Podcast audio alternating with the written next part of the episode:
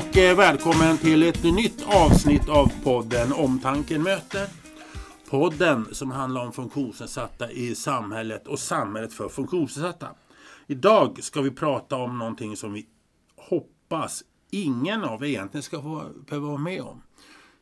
Upplevelsen att få ett barn som inte blev som man hade räknat med. Hur det skulle bli. Och eh, hur det är att vara pappa i den situationen. Därför har vi bjudit in eh, Per Wahlqvist. Välkommen Per! Tack ska du ha Anders, trevligt att vara här. Ja, du och jag har någonting gemensamt, eller hur Per? Jo, alldeles precis. Jag menar, vi lever som pappor i en värld för funktionshindrade barn. Ja. Du har två pojkar och jag har en dotter. Ja. Och eh, vi har sett våra barn växa upp och blivit lite vuxna nu. Och den fasen vi kan blicka tillbaka, eller hur? Ja, alldeles precis. Och min dotter Emily, hon är 41 år gammal nu. Ja. Och dina pojkar, hur gamla är de? Är 23 och 29. Eh, det är nästan som skäms som måste tänka till lite. 23 ja. och 29. Ja, ja, ja. Och jag, jag, jag, tror att vi har en livserfarenhet inom det här som är lite unik, eller hur? Jag tror det va? Eh, så är det. Eh, vi har ju fler barn i familjen så att vi har ju möjligheten att jämföra också. Ja. Så att, eh, men det är en väldigt stor livserfarenhet och samtidigt när man kan hantera detta på ett bra sätt som vi tycker själva då växer man och blir starkare tillsammans hela familjen. Mm. Och är, jag upplever den här, kan man kalla branschen, det här området som jobbar och är och lever med funktionsnedsatta barn och ungdomar, även vuxna. Så det är alltid kvinnor, det är alltid oftast är det mammorna som kliver fram och berättar och är. Det är inte så många gånger, papporna backar ofta. Håller du med mig Per? Eh, ofta kan det väl vara på det viset. Ja. Eh, jag vet, i vår situation så bestämde vi oss ganska tidigt för att vi skulle hjälpas åt. Och eh, vi var överens om att nu ska vi ge Emelie så bra liv vi någonsin kan. Men med hjälp av samhällets stöd här. Mm. Eh, och hustru var ju hemma först med barn. Men jag var också föräldraledig. Sen fick vi ytterligare två barn här. Eh, mm. Och hustru Ingrid brukar säga, det finns nog ingen som har varit så mycket föräldraledig som du har varit i din mogna ålder. Nej, det, det är det här liksom, pappa synvinkeln är också lite det här med podden. Liksom, hur, hur är det om man upplever det här? För att det är när man har många samtal så är det ofta att männen som backar lite och kanske inte kommer eller, och så vidare och berättar hur man upplever För att det är ju lika jobbigt att vara pappa som mamma. Eller? Ja, visst är det det. Det är inte tu tal om det. Därför det finns ju så mycket känslor i det här. Ja. Och samtidigt så finns det mycket både lagar, regler och praktiska saker som kan hanteras. Och det får man försöka hantera i familjerna tycker mm, jag. Mm. Eh, vi tycker vi har hanterat det bra. Jag, så vitt jag förstår med dig och din hustru så har ni gjort likadant. Ja, det är det. Men berätta lite från början så, vi, så att eh, lyssnarna förstår lite vad, vad det handlar om. Du har en dotter som heter Emily. Ja. Berätta om hur, vad är det som har hänt med henne? Det var så att eh, när vi väntade Emily, graviditeten var helt normal, men när hon föddes så eh, fick hon en hjärnblödning i samband med förlossningen.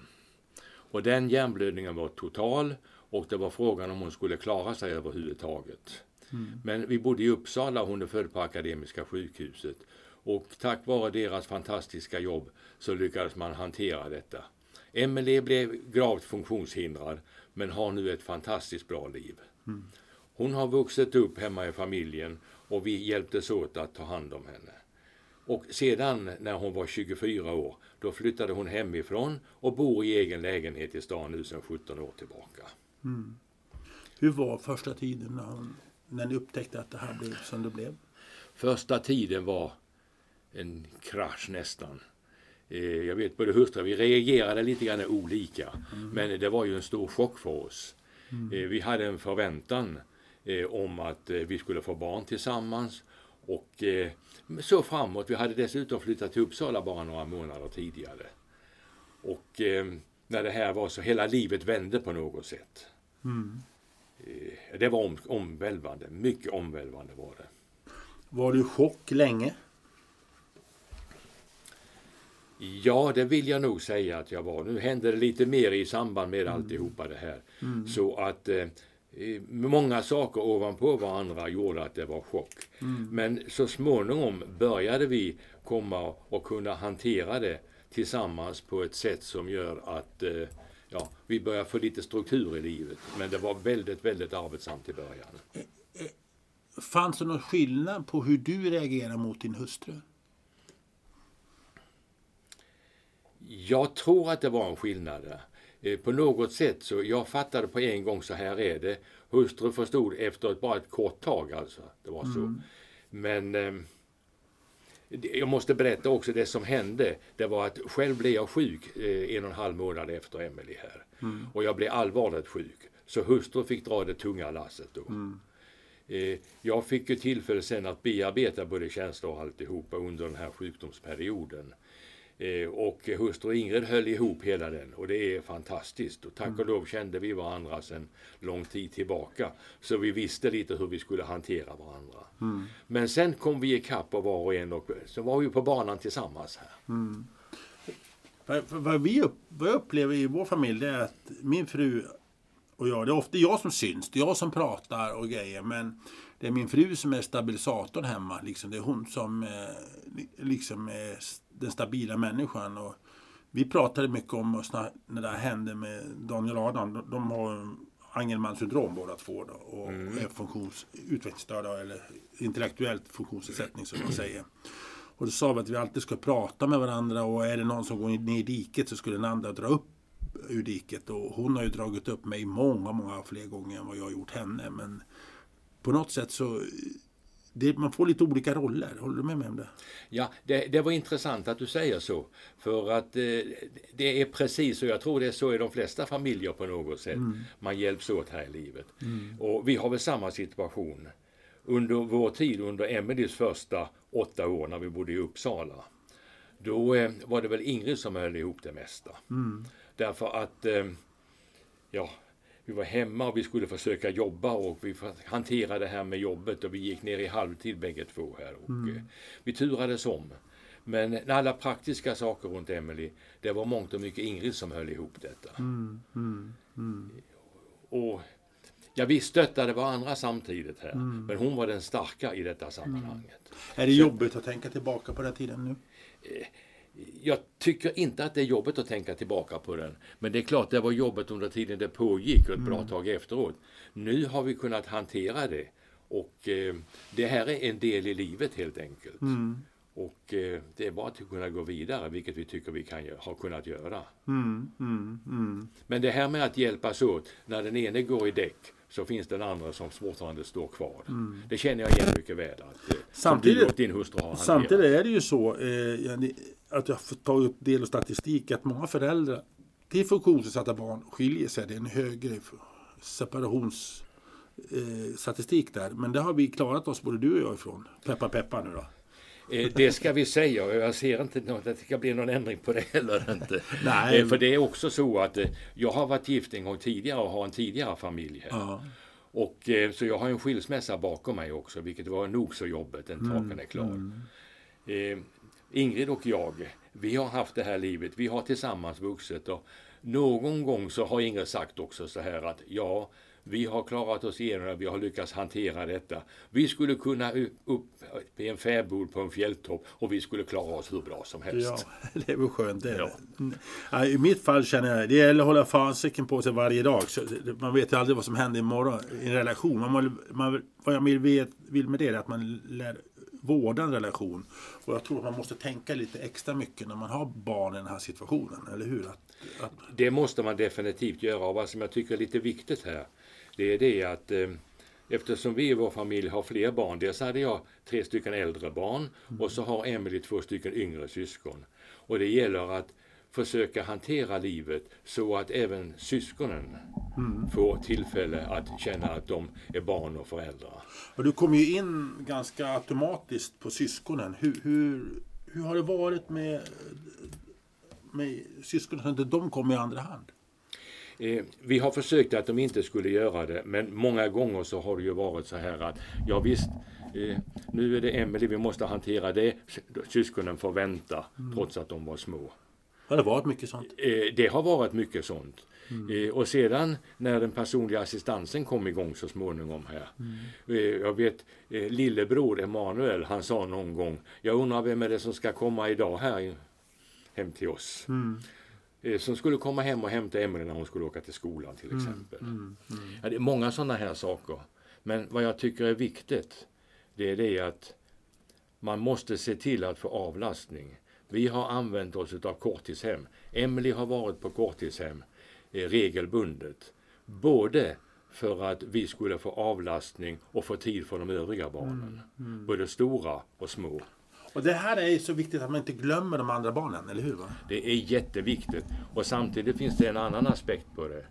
Och det är att Emelie måste vänja sig vid att det är inte bara föräldrar och syskon. Det finns annan personal runt omkring, om man nu får använda ordet Ja, personal ja, i sammanhanget. ja. Så hon måste lära sig att leva ett liv då inte mor och far finns i närheten hela tiden. Och det som är intressanta med det, det är ju det att du tar upp en väldigt viktig grej. Att, vi kan ta det på en gång tycker jag. Det är eh, vikten av att inte bli assistent åt sina egna barn. För du ska ju förhoppningsvis överleva. Du ska väl överleva Emelie hoppas vi. Nej, jag menar, Emelie ska överleva dig menar jag. Hoppas, och mina barn ska överleva mig, eller hur? Det är inte så? Det är väl den naturliga utvecklingen. Jag får Ja. verkligen hoppas på att det blir på det Ja, viset. jag, var- jag började lite fel. Men jag menar att och det, och vi ska alla, om man klarstecken, vi ska hoppas för, dö för våra barn, som det heter. Ja. Och då ska ju våra barn klara sig när inte vi finns. Absolut. Hur tänker du där? Jo, ursäkta. Nej då. Eh, det, vi var helt inne på att eh, Emelie ska flytta hemifrån precis som övriga barn. När hon är någonstans i 20-25 års åldern eller vad det nu kan bli. Eh, vi höll på i flera år innan vi hittade en bostad till henne. Eftersom hon behöver väldigt mycket hjälpmedel behöver hon en hyfsat stor bostad. Eh, vi hittade så småningom en. Men Emelie var 24 år när hon flyttade hemifrån. Och det var bra, både för henne och för oss.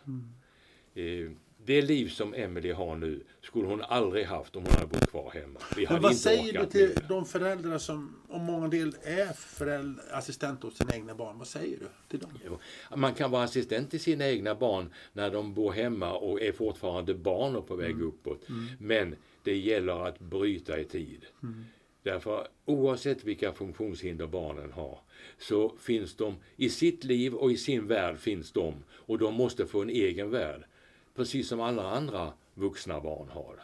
Måste dra ut navelsträngen. Absolut. Och föräldrarna ska inte finnas med hela tiden. I vårt fall till exempel, Emelies assistenter, de har tagit över den här rollen. Jag finns med som god man, men jag ska helst finnas liksom i bakgrunden. De gör jobbet och Emelie har ett fantastiskt fint liv tillsammans med sina assistenter. Det är lite så jag tänker också.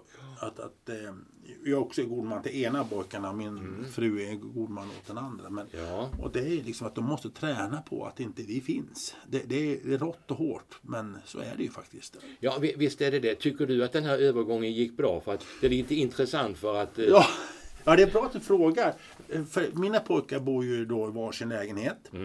Och eh, Daniel flyttade ju först. Sen så dröjde det fem år ungefär. Så kom ju eh, Adam skulle flytta och då råkade det vara så att det fanns en lägenhet tom i samma trappuppgång. Det var inte planerat. Utan det, Vilken rå- tur. Ja, vi hade fantastisk tur. Och, eh, men jag måste säga faktiskt att deras utflyttning har gått betydligt mycket bättre än vad jag förväntat. Mycket tack vare eh, vi har så bra assistenter att liksom har kun, kun, tagit hand om det här och löst det här och, och så vidare. Ibland har vi varit lite oroliga för hur ska det här vara? Känner lite ledsamhet? Ja, de är lite ledsna när vi är hemma hos oss en helg och ska åka tillbaka första minuten. Men sen ringer assistenten sen när de kommer fram och säger nu har det gått bra, nu är de hemma igen och nu börjar vardagslivet. Och jag tror att de har lärt sig det. Och, det bästa som finns när man kommer hälsa på och de säger att nu ska ni gå härifrån. Nu får inte du vara kvar längre. Nu ska vi nu, nu ska du åka hem sen. Och, och det tycker jag det känns det bra. Så att, eh, Det är roligt att du säger det för att det är så vi upplever. Vi har gjort en planering så att vi arbetar i sex veckors arbetsschema. Och när vi kommer fram till den sjätte helgen då åker jag hem till Emelie vid halv sju tiden på kvällen och sedan så slutar assistenterna. Emelie följer med oss hem och då är hennes yngre syskon hemma praktiskt taget varje helg då också. Och då lever vi familjelivet och alla assistenterna lediga den där helgen. Och Emelie hon är liksom laddad. Hon tycker det ska bli hemskt roligt att komma hem. Men sen på söndag eftermiddag så säger vi ja nu ska Emma åka hem till sig i Uppsala. Emanuel ska åka, och Lotta och Kajsa ska gå hem till sig. Och du och pappa ska åka hem till din lägenhet. Emily blir jätteglad säger jag ska hem till min lägenhet. Och lite stolt va? Ja, verkligen stolt. Och det, det känns så fantastiskt bra. Och sen så när man kommer hem och sen kommer hennes assistent Emily på kvällen och jobbar natten här. Och sen talar jag om för Emily vem som ska komma dagen efter. Och då är det liksom frid och fröjd. Hon är nöjd och belåten. Eh, Men du, har du någon gång pratat med Emelies syskon om livet när du och din hustru inte längre finns med, i livet med Emelie? Eh, Det har vi gjort lite grann. Eh, inte tillräckligt mycket men vi tycker det börjar bli aktuellt att vi ska göra det. Vi har pratat om lite grann hur vi ska hantera det. Men framförallt så ska vi se över, och det börjar väl dra ihop sig nu, att eh, nu ska vi tänka nästa steg, vem ska bli god man? Eh, Emelies syskon har sagt att Emelie ska kunna komma hem även fortsättningsvis fast inte mor och far finns kvar. Men det får vi se hur deras liv är då. Eh, Vi har inte gjort någon planering för detta i detaljen men tankarna finns hos oss hela tiden här. Eh, För Daniel Adam har en syster eh, då, som är äldre än dem. Ja, Och vi var väldigt noga med att säga till henne att du måste leva ditt liv och inte liksom fånga upp det på dina, dina bröder. För att jag träffade en kvinna en gång som på, var på sin moders dödsbädd och så sa modern ta hand om din bror, sa de. Och hon lovade det. Och hon, för- hon berättade att det där förstörde mitt liv. För att allt jag gjorde utgick från min handikappade bror. Men det vill man ju inte att det ska ske. Men eh, nu får man ju signaler från, från dottern att ni, ni kan dö lugnt, jag tar hand om jag finns ju här, så säger hon. Och det känns ganska skönt att, att de finns där och så vidare. Hur, hur vi vill göra och så, och så vidare. Men jag tror det är viktigt att man pratar om det. Eller hur? Jo, det är jätteviktigt att prata om det. Och samtidigt så är det så att eh, vi har i alla fall sagt till våra barn också att hur det än är så ni ska ha era egna liv. Ni ska både planera och leva era egna liv. Eh, och inte känna att ni måste liksom ge avkall på era intressen, era liv för att ta hand om Emily. För att vi har faktiskt en så pass st- starkt och fint skyddsnät. Och i vårt fall har vi en fantastiskt fin assistansgrupp.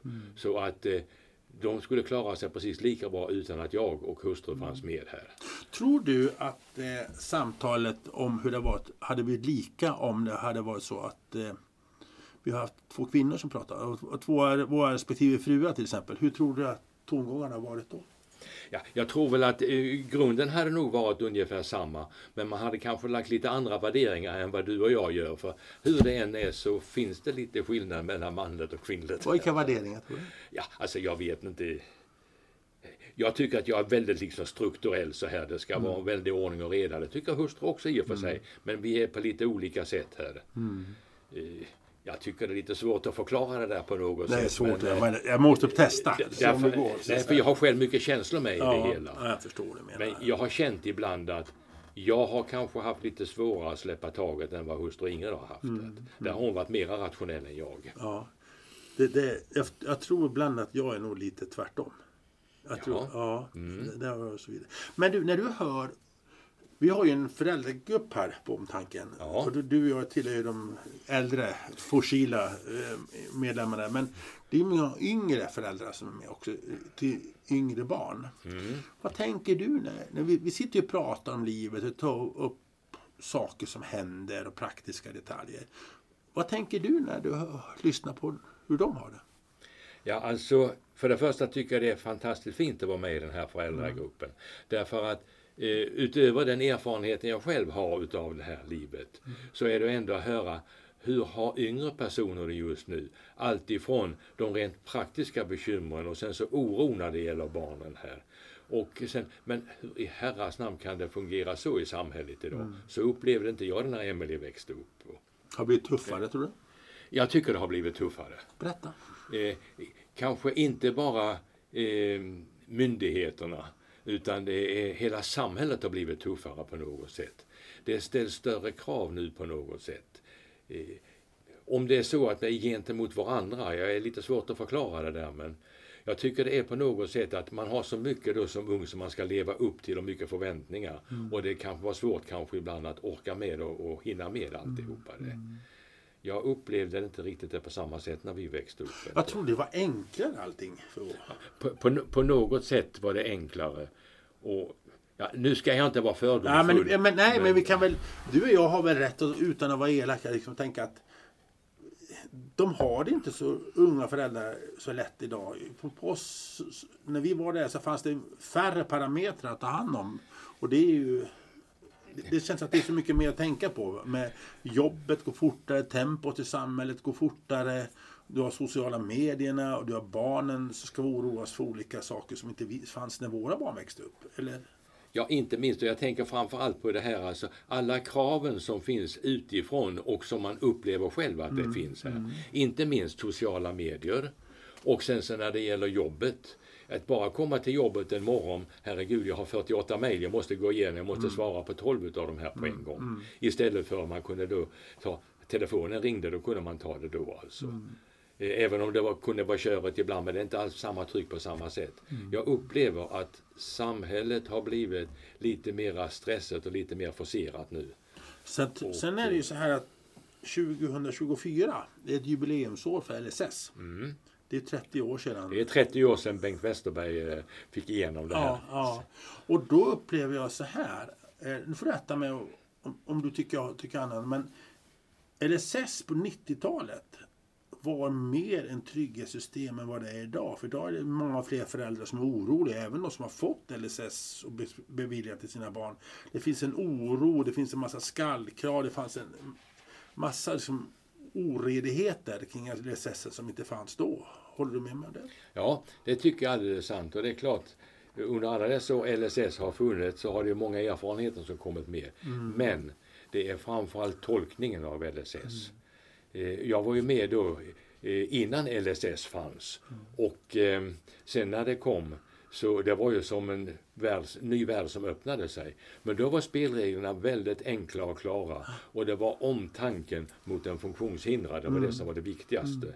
Mm. Och sen att det skulle finnas stöd för familjerna så att man skulle få avlastning med mera. Hur är det idag? Men, men det har urholkats väldigt. Mm. Därför nu är det plötsligt, dessvärre, ekonomin styr alldeles för mycket. Mm. Det är bara att titta på hur regeringen inte höjer ersättningen, timersättningen mm. tillräckligt mycket. Den räcker inte ens till de normala lönehöjningar som mm. fack och arbetsgivare kommer överens om.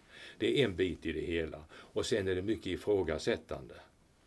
Och någonstans, ursäkta att jag säger det, men ibland är det lite grann för många jurister i våra olika domstolar som ser det, visserligen ur lagens mening, men samtidigt finns det inte den känslomässiga tolkningen med, mm. vilket jag tycker det borde finnas. Mm. Det är många sådana saker. Så mm. att trycket från föräldrarna har blivit större. Är du orolig för din dotter i framtiden? Förlåt? Är du orolig för din dotter i framtiden när det gäller assistans och LSS? Egentligen inte. Och med det vill jag säga att eh, vi har en god personlig assistans och vi har bra resurser från Försäkringskassan. Och vi har hittills aldrig haft något bekymmer när det gäller överläggningar med Försäkringskassan. Så tillvida att vi har blivit ovänner eller någonting sånt. Vi har alltid haft samma mål, handläggaren och jag som god man. Mm. Eh, men sen har vi inte varit överens alla gånger. Mm. Och det är sin sak. De har sina regler att följa och jag har mina uppgifter att följa. Och det gäller att försöka mötas på den gyllene medelvägen där. Mm. Men eh, jag känner ibland lite oro för att det kan vara någon politisk eh, reform, någonting sånt som eh, förändrar. Och jag känner, de, blir, de blir så sköra. Liksom. Jag menar, om jag inte, säg om 30 år så de är inte kvar i livet då, men plötsligt hittar de på någonting nytt som inte blir bra. Och man tänker att pengarna styr som du säger. Så jag känner faktiskt en liten oro faktiskt för, för framtiden. Ja, det kan jag hålla med att den oron kan finnas. Alltså att plötsligt så blir det en politisk styrning i samhället här som gör då att ja, nej, nu ser vi på de här sakerna på ett helt annat sätt. Mm. Och då kanske man stryper eller ändrar på det hela. Den oron finns ju alltid med. Mm. Men som samhället ser ut idag så tror jag inte, åtminstone känner jag inte att det är just nu aktuellt i alla fall. Jag tänker så här, den oro som finns i världen. Det här, du har Ryssland, Ukraina, du har miljökris, eh, du har eh, Ja, du vet allt det här som ja, händer. Ja, inte minst nere i Israel och, Ja, Hamas Gaza. och det är ekonomi och gud vet vad. Eh, jag känner ibland så här, mina pojkar, vad skönt de måste ha det. För de vet ju inte vad det handlar om. Utan de lever i sin egen lilla bubbla. Och det viktigaste är att de kan få gå på sin teater, daglig verksamhet och, och, och få titta på hockey. Det, det är en av fördelarna med att vara intellektuell, intellektuellt funktionsnedsatt. För de hänger liksom inte med. De, de mår bra och är lyckliga. Känner du samma sak? Att, Ja, det är alldeles sant att eh, för Emelie är det ju också så att i sin värld mår hon bra, hon är lycklig. Hon har det bra tillsammans med sina assistenter och sina kompisar. Både i daglig verksamhet och kommer ut och får gå på konserter och eh, göra massa roliga saker. Och mår bra helt enkelt. Och det må ju vara gudomligt skönt att slippa ifrån allt elände i världen. Ja, men jag, det. jag, tittar, jag, tittar, jag, nog, jag tror mer, min dotter nog är mer orolig för vad ska hända om Trump vinner USA-valet till presidentvalet i USA nästa år än vad mina pojkar är. För de struntar i. Det är nog, de vet inte vad han är för någonting. Men, eller hur jag menar? Ja, det, det, är det är en av de fördelarna som finns med det. Det var ju roligt att du säger det där, för visst är det på det viset att när man lever i sin egen värld u- utifrån det som man har, det är ju himmelens skönt. Eh, Vi andra har ju inte det egentligen. Nej, nej. Det, det, Men det, det är klart, det finns i, i hela samhället så finns den oron. Eh, Som du sa här, både när det gäller Ryssland och sen så hur det är nere i Gazaområdet och med ekonomin i världen och vad händer i USA i nästa val till exempel. Många sådana saker oroar vi oss för. Ja. Och det kan ju ro, o, då kan oron komma också. Hur ska det gå för Emelie? Hur ska det gå för dina pojkar i det här sammanhanget? Det finns ju i det undermedvetna Ja. med det. Och samtidigt så kan de ha lika roligt på en musikkonsert som vi har eller njuta av en ishockey eller fotbollsmatch som vi gör. Fast på olika sätt. Visst är det så. Ja, ja. Du, eh, en sak är vi nog inte överens om. Och det är att jag tycker att jag har den bästa assistentgruppen och du tycker att eh, Emily, din dotter, har den bästa assistentgruppen. Jag tror vi har lite olika åsikter här. Liksom den biten. Slutsatsen är att vi har två väldigt bra assistentgrupper, både du och jag, eller hur? Ja, det är det som är det mest fantastiska. Eh, vi har en stabilitet. Vi har flera assistenter som har jobbat länge här. Och eh, Lotta som är arbetsledare i vår grupp, hon har jobbat i 24 år nu. Eh, och vi har jobbat tillsammans i det här, det, som förälder, jag och även som god man. Och vi har de bästa kontakter i familjen här med Emelies assistenter. Vi tycker det fungerar otroligt bra. Och vi är inte det minsta oroliga därvidlag, för Emelie har ett så bra liv. Och det måste jag säga att som föräldrar och familj hade vi aldrig kunnat ge Emelie ett så här bra liv om hon hade bott kvar hemma. Som hon har nu tillsammans med sina assistenter. Men du, var en ung familj, eh, ja, en, en man och hustru, ett par som har fått ett funktionsnedsatt barn. Och så ska de få en assistentgrupp. Vad är det viktigaste för dem att tänka på då? När man ska bilda den här assistentgruppen? Det är att eh, när man träffar de blivande assistenterna så är det att försöka känna av att man har någorlunda samma grundvärderingar. Då menar jag inte samma grundvärderingar politiskt eller etiskt, utan mera känslomässigt här. Och vad som man tycker är viktigt i här i livet. Och sen att man känner att man tillsammans kan hjälpas åt, man kan prata med varandra. Och sen att vara rak och att vara ärlig. Blir det något bekymmer så lyfter man upp det till ytan och pratar om det och försöker lösa det. Det är väl det mest grundläggande att skapa en stabilitet här. För mångt och mycket i livet, i det här eller oavsett, det handlar om förtroende oss människor emellan. För jag tror att det viktigaste när man bildar en assistentgrupp att man kan kommunikationen med oss som föräldrar men också mellan assistenterna är jätteviktigt. Att, Det det är inte tu tal om det, det, det måste fungera. Och eh, där kan jag ju tänka mig att det är lite grann skillnad mellan en manlig assistansgrupp och en kvinnlig assistansgrupp. kan du utveckla? Eh, Det är så att vi tycker att Emily ska bara ha flickor runt omkring sig. Eh, På något sätt så känns det tryggare. Inte för att jag inte litar. Jag känner en kille som är personlig assistent, en äldre i Karl som är personlig assistent. Världens mjukaste och finaste kille och mycket, mycket omtänksam. Så det, det skulle säkert platsa. Men eh, man har lite olika attityder, man ser på saker på lite olika sätt. Och det tycker jag man ska respektera. Jag tycker det är helt naturligt till exempel i din dotter att hon har en eh, eh, tjejer i, i, som assistent. Ja. För jag tror att, jag tror att det kanske inte det skulle in, liten annorlunda grej om en man eller två kom in där.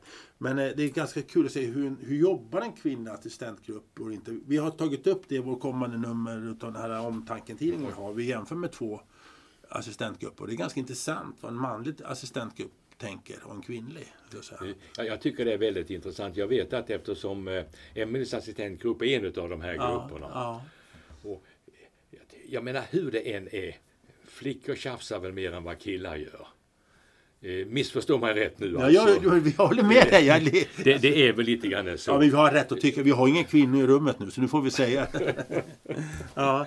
Nej, men det, jag ja, jag, jag vet inte men det, till, dina, dina jag- pojkar har väl eh, bara killar? Ja, det är det. Men, men jag tror att, eh, som en gjorde intervju med, att eh, ma- man är lite oroligare i en kvinnlig assistentgrupp att ta konflikten när den kommer. Man, man duckar gärna, man tassar lite runt het gröt. Och, Ja. nu, är vi, nu är vi ute på farliga mark du och jag här. Men jag, jag, vi måste kunna prata om det för jag, jag tror att det är viktigt, så viktigt i en grupp att alltid säga direkt vad tycker man. Det här gjorde vi bra idag. Idag var vi bra. Men i, nästa dag, idag kanske vi gjorde lite bättre. Vi borde kunna göra lite bättre. Och kunna ha den dialogen mot varandra. Ja, utan att det blir, hej- att det blir hur illa som helst. Så att säga. Liksom. Håller du med mig? Ja, det, det är alldeles sant Anders. Och jag har försökt det eh, när vi har personalmöte. Jag är själv med på, alltid på personalmötena. För jag tycker det är viktigt att god man ska vara med på personalmötena här. Inte få styra och ställa utan var och en. Och ibland hamnar man i situationer och då måste någon hålla i yxan när den ska gå här. Och då är det god man som måste fatta beslutet här. Så är det. Men jag har försökt i alla fall att i våran grupp att är det så det blir något bekymmer, lyft upp det till ytan. Låt oss prata om det innan det blir ett stort problem och växer. Men jag har en känsla av att man ändå, beroende på eh, hur man känner sig den här dagen. Ja, men idag har hon ingen riktigt bra dag. Vi kanske inte ska prata om det idag. Vi sparar det där och tassar lite på tårna. Jag har en känsla av att det är lite grann så. Tycker du som man att kunna, som du säger, eh, stämma bäcken, slå näven i bordet i en kvinnlig grupp. Är det svårt för dig som man att gå in och göra det? För du, du leder ju era personalmöten. Du är med på varje personalmöte. Och, Ja, jag ska inte säga leder, för vi har lagt upp det så att vi har personalmöte i fyra timmar. De två första timmarna, då är det kund och personalansvarig som leder mötet. Då har vi liksom alla de här formella bitarna och håller oss till dagordningen. Och nästkommande två timmar, då har vi vad vi kallar assistansmötet. Och vill våran chef vara med då så är hon givetvis välkommen. Men då håller jag i mötet. Då lyfter vi upp alla praktiska saker runt Emily, runt arbetsschema, andra rutiner och annat saker. Tycker du att det är jobbigt? Att, att om det skulle vara otrevliga saker att ta upp, tycker du mentalt att det är jobbigt? Nej, alltså jag tycker inte att eh, det är jobbigt direkt. Därför även om det är mentalt och det är känsliga saker så måste man ta upp det. Det är bättre att ta upp det, ta obehaget då och sen säga nu gör vi så här. Och sen samtidigt ge beröm när det blir bra. Va? Det är väldigt viktigt att ge beröm. Därför det gäller inte att bara se vad är problemen, man ska se möjligheterna. Och det är hellre en klapp på axeln och kanske till och med en kram ibland därför det var fantastiskt bra att det blev så här. Jag är ibland lite konflikträdd. Eh, jag känner liksom, hur tar de det här nu? Men när så tittar man på, sina, mina pojkar och så säger nej, nu tar vi upp det här problemet som var, så gör vi det här på en gång. Och så, jag tror att det blir mindre jobbigt än om man väntar eh, en månad eller två och så vidare. Det blir mycket mer skit under mattan. Så att säga. Jag tror att... Det, det är alldeles sant, jag håller fullständigt med dig. Och eh, jag upplever inte att jag är konflikträdd nu för tiden. Men däremot går jag tillbaka 20, 30, 40 år. Då kände jag att då var jag nog mera konflikträdd. Därför jag var väl inte lika säker på mig själv då i den här rollen. Eller i den rollen, det, när det gällde jobbet till exempel. Man kunde väl hantera saker då också. Men då kanske jag skulle glida runt mer på ett annat sätt och ta det lite mjukare istället för att vara mera rakt. Ja. Eh, men samtidigt gäller det att ge beröm. Det är väldigt... är, det är bland det viktigaste. Det är bara att gå till sig själv. Får man en klapp på axeln då känns det men åh vad roligt. När du, tänker, när du ser yngre pappor idag och tycker, vad, tänker du när när du ser, är de är man engagerad? Är, är, hur, hur ser de ut att må? De där unga männen som har fått ett barn som inte blev som man hade hoppats på. Generalisering, svår fråga, men jag tänker om du Ja. har något slagit dig någonting. Jag vet, jag tror nog att jag har för lite erfarenhet av det. Alltså, Men det jag att, tänker eh, på det är att, det, eh, att det, det, det, hos det finns mycket känslor där som kanske inte alltid kommer ut men att eh, man, man, man, ledsamheten, besvikelsen och så vidare. Att det finns nog många ledsna pappor hemma som kanske inte går ut och delar med sig det av andra gör.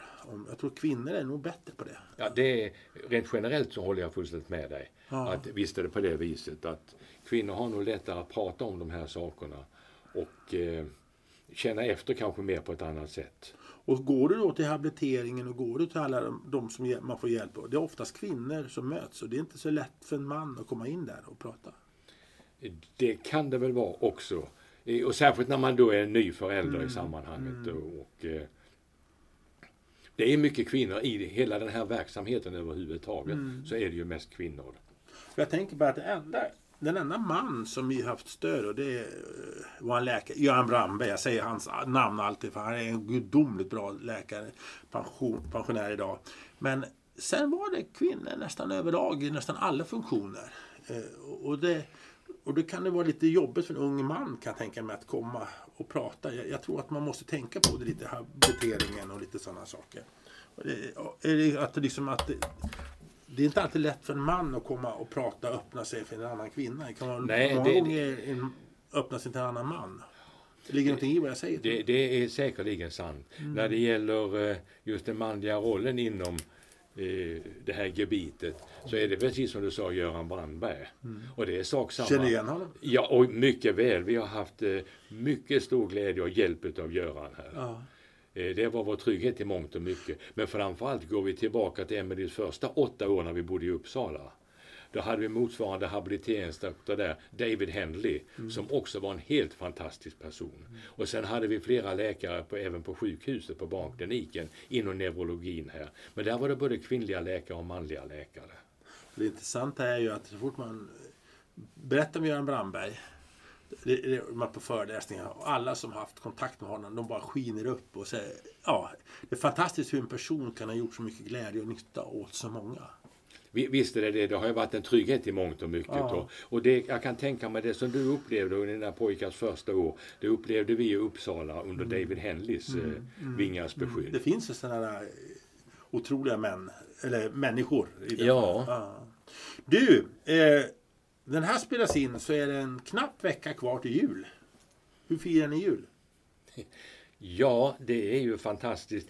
Vi har en tradition i familjen att vi ska fira jul tillsammans. Och eh, vi har... Jag menar när Emily växte upp, och då var det ju familjen helt naturligt ju. Och eh, nu när Emily bor i egen lägenhet, då har vi en rutin och det är redan sedan hon flyttade till sin lägenhet att under julen då kommer Mimmi hem till sin, eller Emily hem till sin familj. Hon kallar sig numera för Mimmi sedan många år Ja, tillbaka. ja. Och kom hem till er då? Ja, eh, och vi har liksom kommit överens tillsammans med Emelies assistent och de vet att vi vill, familjen ska fira julen ihop.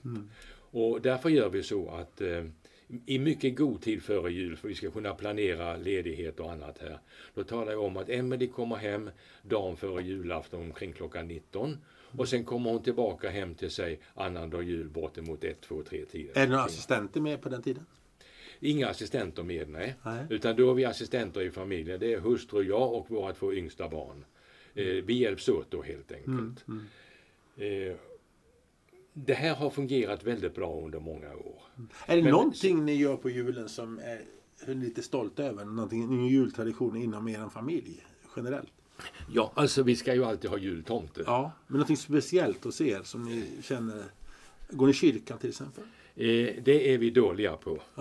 Eh, det är vi utomordentligt dåliga på. Det skulle vi gärna göra. Men, eh, Tomten inte- kommer. Tomten Eh, kommer. Vi har en viktig sak och det är tomten. Nu har vi ju barnbarnet lilla Kajsa också Ja, här. ja. Eh, Men tomten ska komma, även innan Kajsa var med så skulle tomten komma. Ja. Vi har alltid haft tomte. När kommer han på dagen?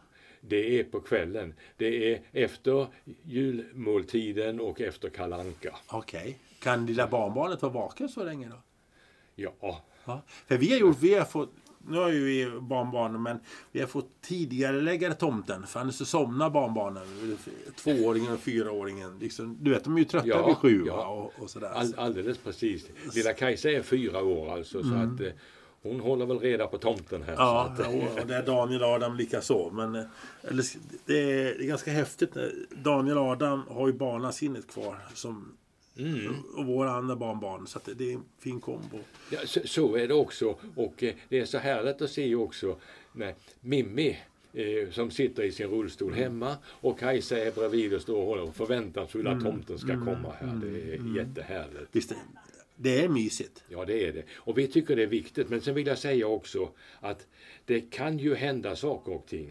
Så att plötsligt så kan inte Emelie komma hem fullt ut som vi har sagt. Eh, I fjol hände det att Emelie fick eh, covid-19 före jul. Och vi var tvungna att löpa linan ut hon skulle vara frisk. Därför kunde hon inte komma hem förrän på julaftons förmiddag. Så. Så att en assistent eller några assistenter fick jobba både dagen före och en bit, natten och en bit in på julafton. Det, så är ju livet. Och så är livet. Och eh, i våran assistentgrupp så är det liksom inget, jag ska inte säga, om jag säger citationstecken, bekymmer. Därför alla vet att så här är det. Hur firar ni nyår då? Ja, längre tillbaka, då var Emelie hemma hos oss även på nyårsafton. För att assistenterna skulle kunna ut och ha roligt här. Det var lite så. Men vi har känt mer och mer att eh, ja, det är julen som är viktigt att Emelie kommer hem, då är ju familjen. Nyår det är inte samma sak. Att nyår firar Emelie tillsammans med sina assistenter. Och jag upplever att både Mimmi och assistenterna tycker det är roligt att fira nyår tillsammans. De har det så himmelens fint tillsammans här. Så. Tänk vad vi är lika, för jag tänker exakt lika som du. Att på nyår, då får Daniel Adam vara med sina assistenter. Mm. Och, och så gör de något program. Vi kollar upp att, det, att de gör det lite festligt och så vidare. Och, och sådär. Så att jag tror det är viktigt. Och det är också en del utav utbildningen att klara sig själv utan mamma och pappa. Vi- Visst är det det. Och jag skulle säga att eh, du sa att vi kollar upp att det liksom funkar sådär. Mm. Vi kollar inte ens upp utan att det brukar ofta på nyårsafton så kommer det via WhatsApp så kommer det en signal från Emily. Så här har vi det på nyårsafton. Ja, ja. Och det är alltid hur bra som helst. Vad, vad hoppas du av det nya året? Jag har ju en förhoppning om att det ska kunna rulla på för oss någorlunda väl. Så att dels att vi får hålla oss friska. Att Emily får fortsätta ha så bra liv som hon har här. Och eh, att det inte tillstöter några komplikationer på något sätt här. Utan att det rullar på. Och inte minst att eh, vi i familjen kan rulla på och utvecklas som vi gör. Men det gäller ju både barn och barnbarn, hela gänget här. Vi har en, Men, eh, en speciell grej, dag som kommer hända 2024 som jag spontant kommer på nu. Eh, Bruce Springsteen kommer ju tillbaka igen. Och både jag, min fru och vår dotter är ju stora hängivna Bruce Springsteen-fans. Och vi står alltid längst fram, eh, precis under scenen. Men nu ska också Daniel och Adam vara med på samma konsert. Oj då. Ja, och de bjuder med sina assistenter. Och då kommer vi att sitta längre bak på sittplats. Men att sitt, vara där vi allihopa är på samma arena, det kommer bli ganska spännande. Det är en speciell känsla den dagen. Bruce Springsteen har betytt väldigt mycket för oss.